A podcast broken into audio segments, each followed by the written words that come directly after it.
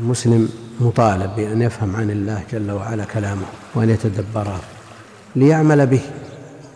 أقول إذا كانت العناية بكلام البشر بهذه القوة والاهتمام من قبل المرؤوسين في فهم كلام الرؤساء وهم بشر مثلهم يصيبون ويخطئون فكيف بكلام بكلام الله جل وعلا الذي تعبدنا بتلاوته؟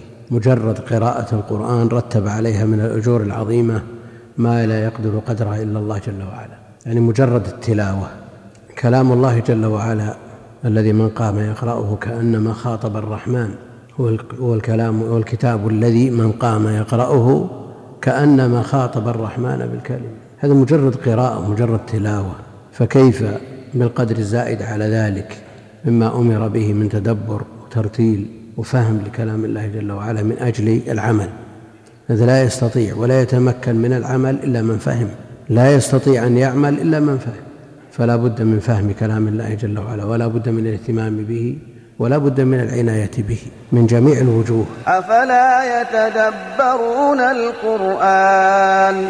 ولو كان من عند غير الله لوجدوا فيه اختلافا كثيرا.